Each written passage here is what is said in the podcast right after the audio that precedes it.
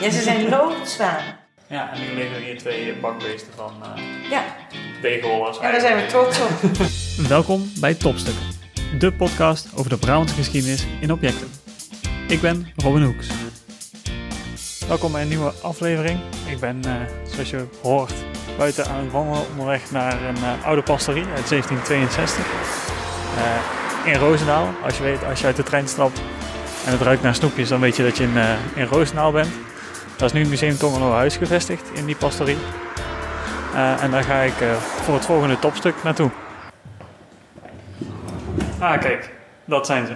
Ja. Echt een stuk groter en zwaarder dan ik had gedacht, want die, de la waar ze uitkomen is ook al zwaar.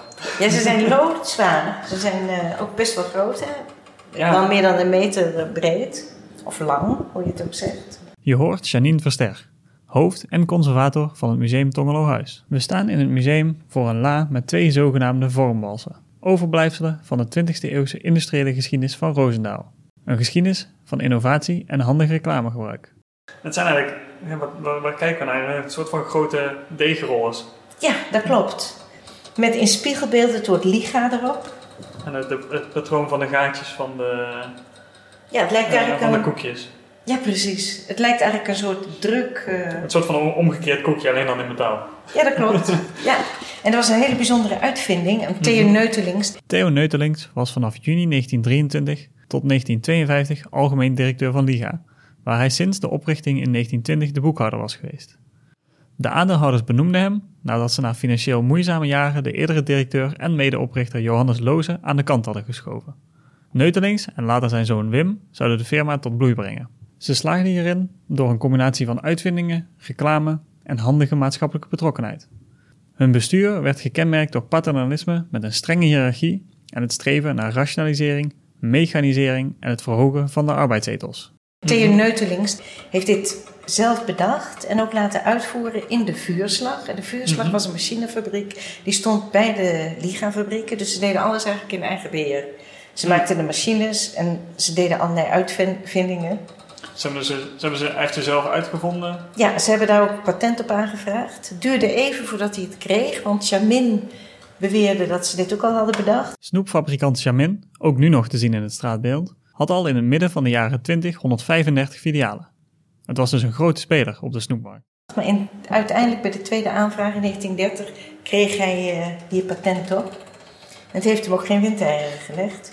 Het grappige is, eerst had je dus deegbakken. Daar werd het deeg in gegoten en dan werd het een koekje.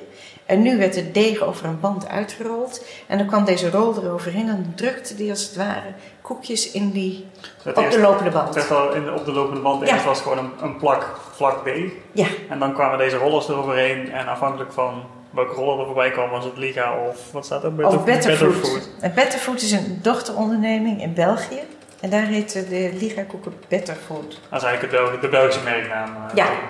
Ja. En dat is allemaal voor de oorlog. Hij had het dus uitgevonden, in 1930 patent gekregen. Ja. En vervolgens zijn ze ook nog zelf gaan maken.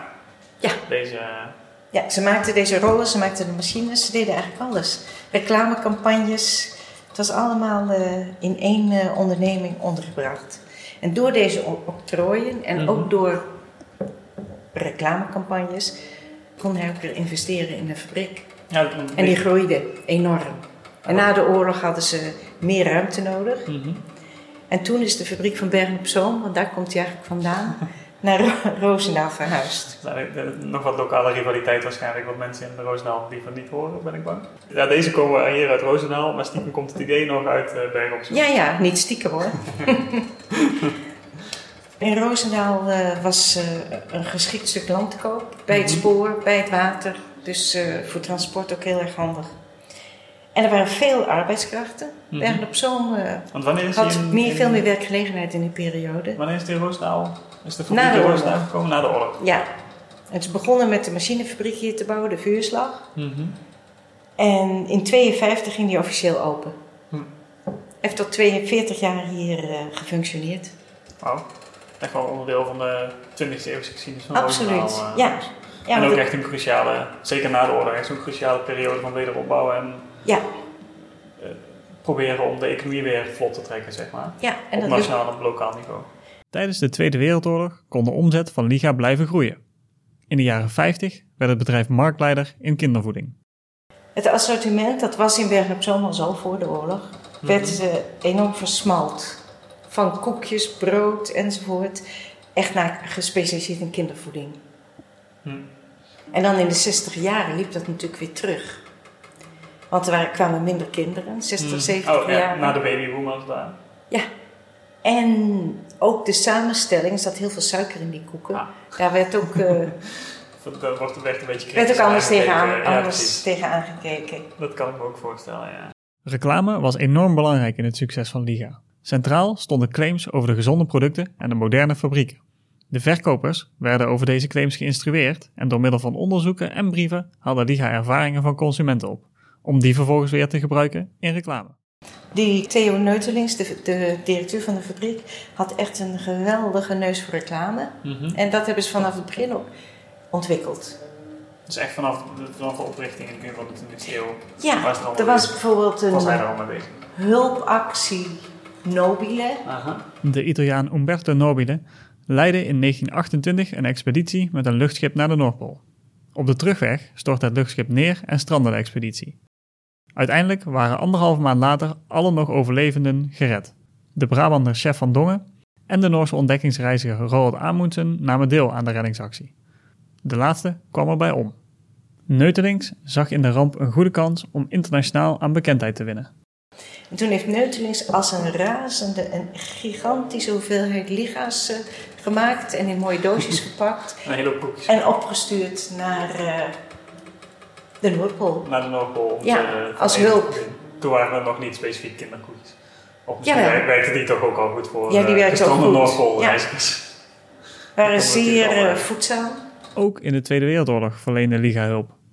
Zo werden koeken verstuurd naar krijgsgevangenen in Duitsland. Deze actie is vastgelegd in glas- en loodramen die nu nog te zien zijn in Museum Tongelohuis. Ook andere belangrijke momenten zijn hierop verbeeld. Zoals de hulpzendingen die naar het nog niet bevrijde noorden van Nederland zijn gestuurd tijdens de hongerwinter van 1944 op 1945. Dat kun je nog zien in deze glas- en loodramen, waarin de geschiedenis van de Liga-fabriek wordt eh, samengevat. Ja, kijk hier. Sanofiet, ook een onderdeel van de Liga. Ja, er staat ook 1942, 1945 zendingen naar krijgsgevangenen, officieren. Kijk, en dit is de vuurslag, dat is de machinefabriek. Ah ja, vuurslag 1917. Wat staat erbij? Voedselzendingen Ah, van bevrijd. Brabant naar het noorden. ja. Nou, dat is helemaal actueel nu. Ja, Ja, Roos, Roosendaal en Brabant 75 jaar bevrijd ja dit jaar. gebied is natuurlijk ook eh, eerder bevrijd dan de, dan de rest Ja. van Nederland en een klein stukje Brabant wat nog niet bevrijd had. En daarvoor was de hongerwinter en toen hebben ze dus ook Ja. een soort gelijke hulpactie. eh. Ja, dus het was ook een hele maatschappelijk bewuste Ja. onderneming. Het is niet alleen, ik bedoel, het is natuurlijk goede reclame, dat soort acties, maar het, het, het helpt ook gewoon echt mensen. Het is niet dat ze het eh, voor zo'n hulpactie eh, in een vrachtwagen zetten, die vrachtwagen weg lieten rijden op beeld en dat die toen weer terugkwam, Nee, nee. zeg maar. Nee, zeker niet op beeld in die tijd.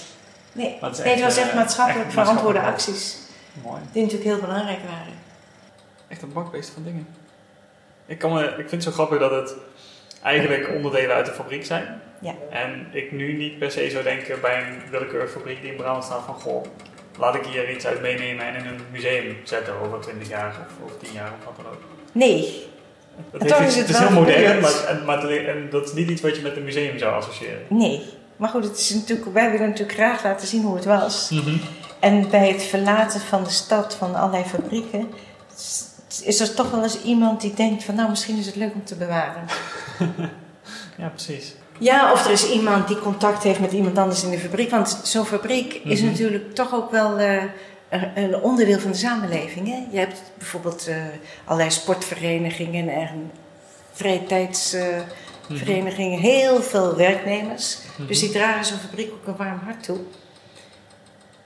Ja, en die, die denken van, oh, dit is een onderdeel van Ja, de willen we- geschiedenis, van ons precies. verleden. Ja, En dat moet wel bewaard blijven. ja En dan zo gaat dat. sta je uiteindelijk naar twee gigantische stukken uit een machine te kijken die in een museum liggen. Ja. Terwijl je dat misschien niet zo, eh, niet zo zou verwachten. Ja, en nu liggen er hier twee bakbeesten van eh Ja, deegrollers. en daar zijn we trots op. De Liga-walsen zijn dus te zien in Museum Tongelenhuis in Roosendaal. Achtergronden bij deze aflevering vind je weer op brabantserfgoed.nl slash podcast. Daar vind je ook de allereerste aflevering van deze serie en de afleveringen van de gewone Brabants Erfgoed podcast. Abonneer je ook vooral op de podcast waar je ook maar luistert, zodat de volgende vanzelf op je telefoon verschijnt.